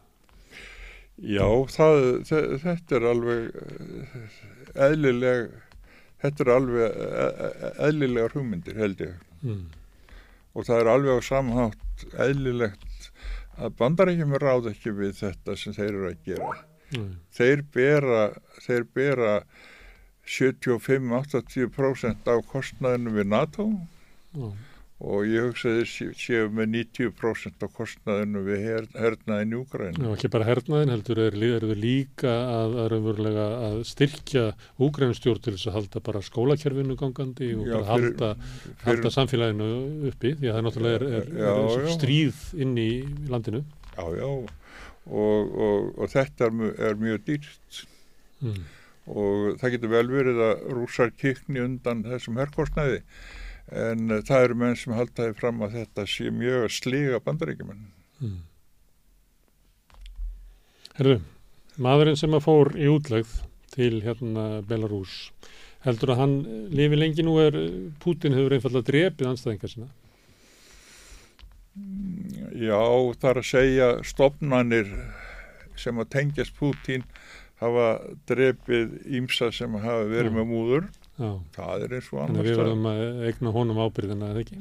E, e, já, það er eins og annars staðar að þegar að hérna, bandarískir aðila drepa með þá við skulum segja að þegar að Julian Ansang hefur verið mm. settur inn er það það ekki á Já, en, en það er bara svona, ég veit að sko, bandaríkinn eru er, ekki bannana bestir, en ef við tölum bara um, um er, heldur þú að, að hann muni láta hérna að mann vera Já Ég veit ekki, það er það er svolítið befa samt ég mm. hugsa að, að, að hann geti greitt á því að láta hann sprikla. Já. Hann getur alveg hugsa sér, ég er alveg hægt að hugsa sér það, það eru ymsið sem að hafa verið óþægir sem að hafa fengið að já, hafa fengið að fara úr landi. Mm. við skulum segja til dæmis Dóttir mm. og Tjúbæs. Mm. þetta fólk hefur fengið að fara Eitt af því sem hefur verið í frettunum núna um helgina og í dag er svona um það að, að, að Bergósin njóti svona einhvern svona alþjóðhilli. Þú kannast við svona myndir að fólki að taka já. selfie með honum, viðtölvi fólki í, í Rostov sem að segir að þetta séu föðurlandsvinir og hérna eins og að... Við vinkona mín í Rostov, hún segir að þetta séu, þetta séu hérna föðurlandsvinir sem hafi fórnað miklu fyrir föðurlandi mm. og þau líta bara á þetta, þessa uh, stríðsmenn sem sína menn. Já í flestum löndum þá er svona eh, meðal alþjóðu eh, svona óþólgakot stjórnvöldum. Alveg sama þótt að það njóti stuðning eða fólk kjósi það. Og ég bara efast ekki manna um en að það sé um sveitir Rúslands já, já. og smerri borgir og starri borgir já, sé ákveði svona óþólgakot valdun í Kreml. Er enga líku til þess að, að Bergósin geti svona eh, spilað inn á þetta að hann sé vinur lillamannsins hann er einfallega ekki pólitísk. Ég veit að þú myndir ekki kjósa þetta já sko hann er bara ekki pólitísk fígura, hann er ekki með neina stefnu. Nei. það er bara svolítið, hva, upp á hvað býður hann? Við getum sagt að þetta er svona svipaði sem með íslenska stjórnaranstöðu hún hefur eiginlega enga stefnu. Nei. hún býður ekki upp á neitt.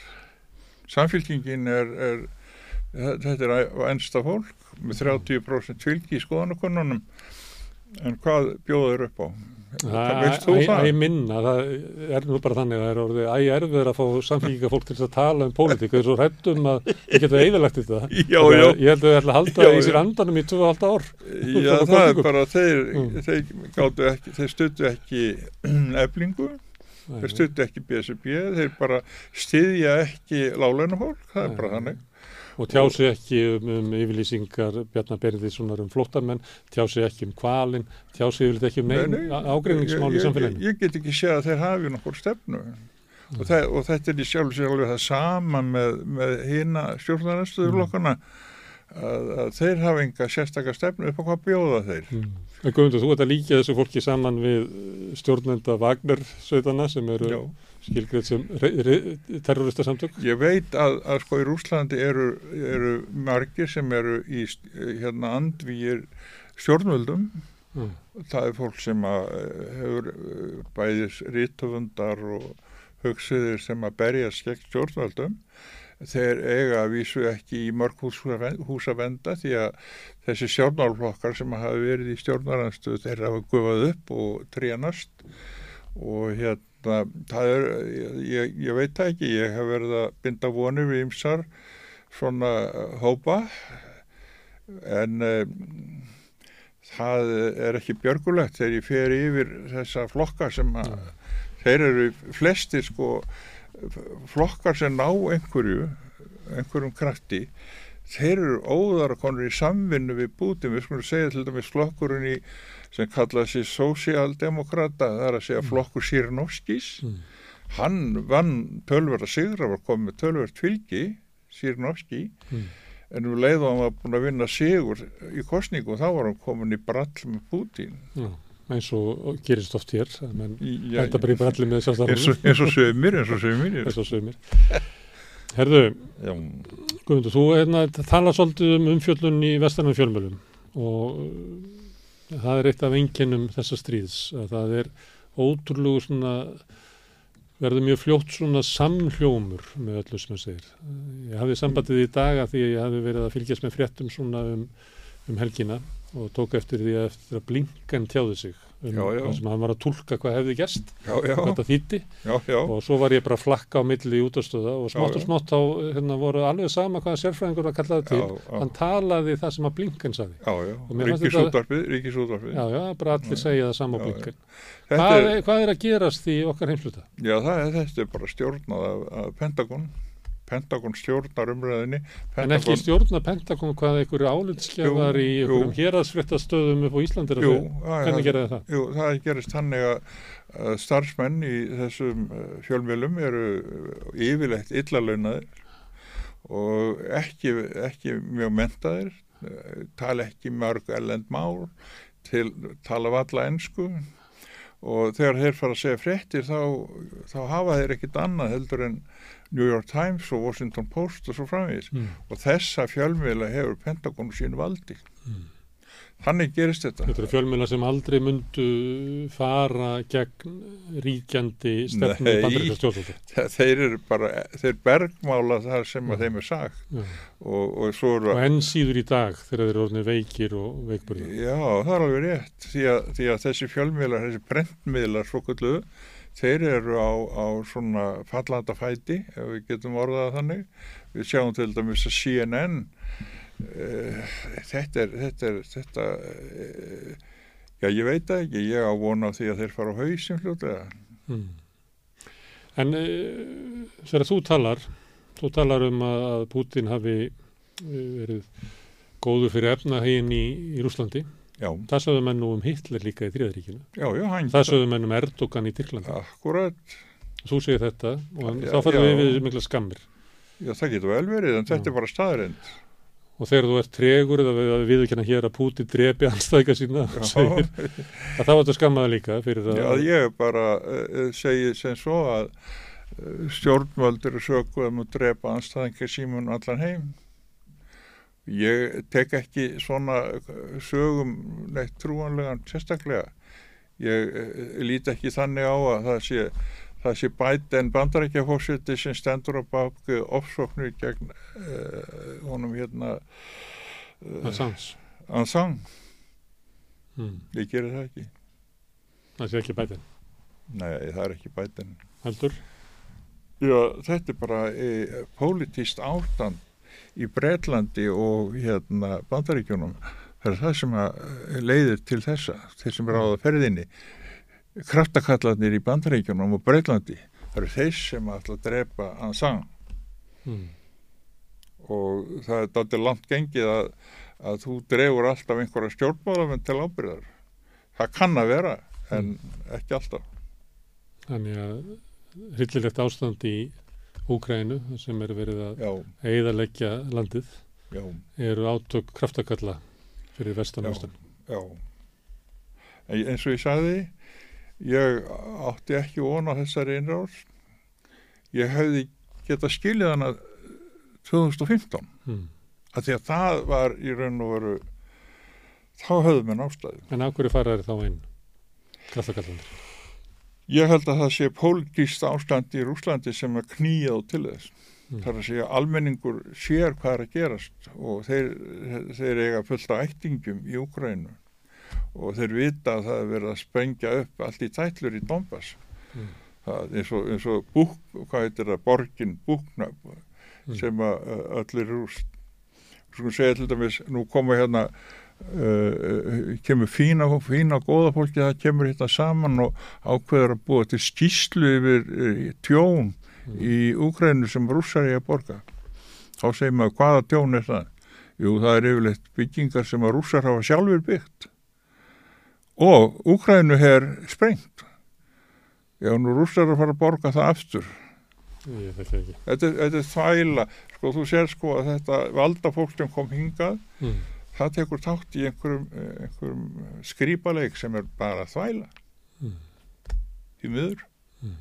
og okkur er svolítið óljóst hver er umverulega þráður þessara sögum Jú þetta er bara eitthvað áróðsrugl og, og þú verður að segja almenningur sko hann finnur að það er ekkert að baka þetta mm. Almenningur á Vesturlund Hér á Íslandi mm. og ég veit ekki það Íslandingar eru nú heldur svolítið ginnkæftir fyrir því sem þeir heyri í sjómarbi mm. Herru Guðmundur, takk fyrir að koma engað og ræða um þennan skrifna lögadag og hvað það er laungu forsuga bakuðan og hvernig má tólkan Takk fyrir